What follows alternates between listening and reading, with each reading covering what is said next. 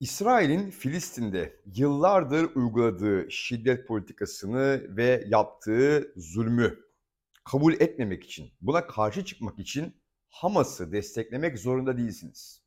Hamas'ın terör eylemlerine karşı durduğunuz için de İsrail'i desteklemek zorunda değilsiniz. Peki ne olacak? Kim kimi destekleyecek? Kim haklı? Tabii ki çözemeyeceğiz. Tabii ki işin içinden çıkamayacağız ama biraz anlamaya çalışacağız.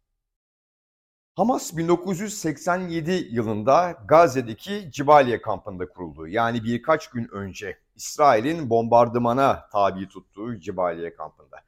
İslami Direniş Hareketi isminin Arapça açılımının Türkçe tercümesi bu. İslami Direniş Hareketi.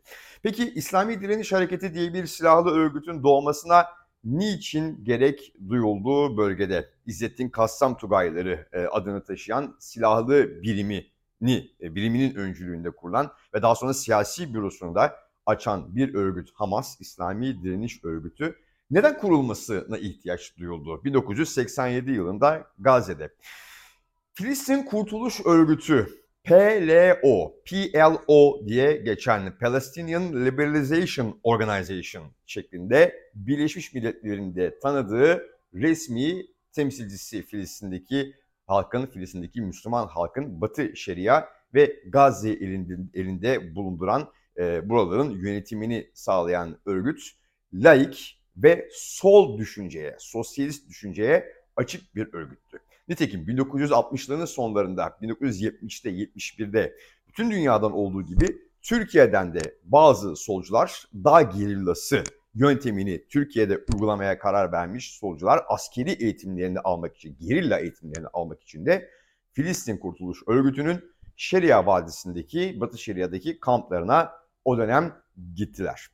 Böyle bir romantizm de var bugüne gelindiğinde bilhassa Türkiye Halk Kurtuluş Ordusu Deniz Gezmiş'in liderliğini yaptığı Türkiye Halk Kurtuluş Ordusu mensuplarının Filistin Kurtuluş Örgütü'ne, Batı Şeria'ya gitmeleri, eğitim almış olmaları Türkiye'deki solcular tarafından çok romantik bir şekilde düşünülüyor, kabul ediliyor ve ne olursa olsun Filistin'de İsrail'e karşı bir şekilde mücadele eden herkes, her örgüt bazen çoğu zaman destekleniyor. Ama bu bölgede sayısız örgüt var. Sadece Filistin Kurtuluş Örgütü'nün içerisinde bile 3 ayrı örgüt var.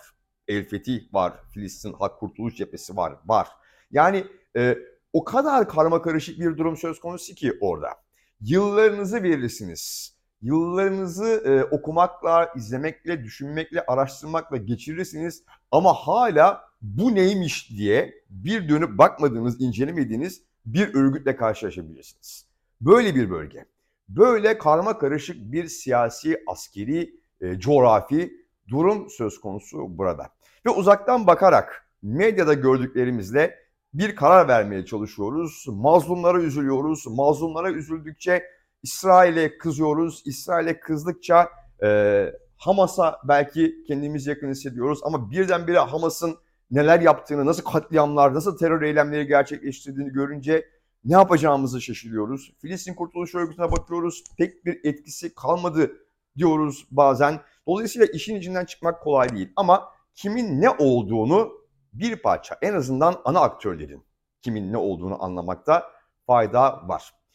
Filistin Kurtuluş Örgütü laik bir kurum. Çünkü Filistin topraklarında Müslümanlar yaşıyor, Hristiyanlar yaşıyor, Yahudiler yaşıyor. Filistin Kurtuluş Örgütü laik bir örgüt olmak zorundaydı. Yaser Arafat tarafından El Fetih öncülüğünde kurulurken öyle de devam etti ve dünyadaki dediğimiz gibi az önce sol hareketlere yakın durdu.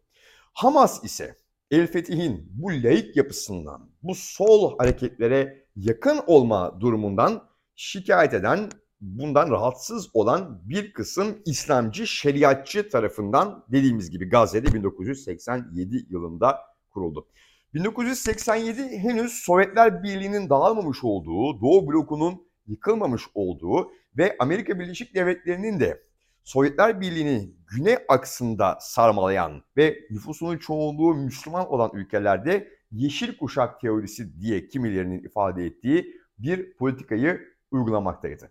Yani e, Sovyetler Birliği'nin güney aksı da e, Azerbaycan var, e, efendim Türkmenistan, Özbekistan bunun gibi e, Müslüman kültürden gelen ülkeler var. Ve bunların hemen devamındaki, sınırın ötesindeki ülkeler de Müslüman nüfusu çoğunluklu ülkeler. Afganistan, İran, Pakistan, Türkiye.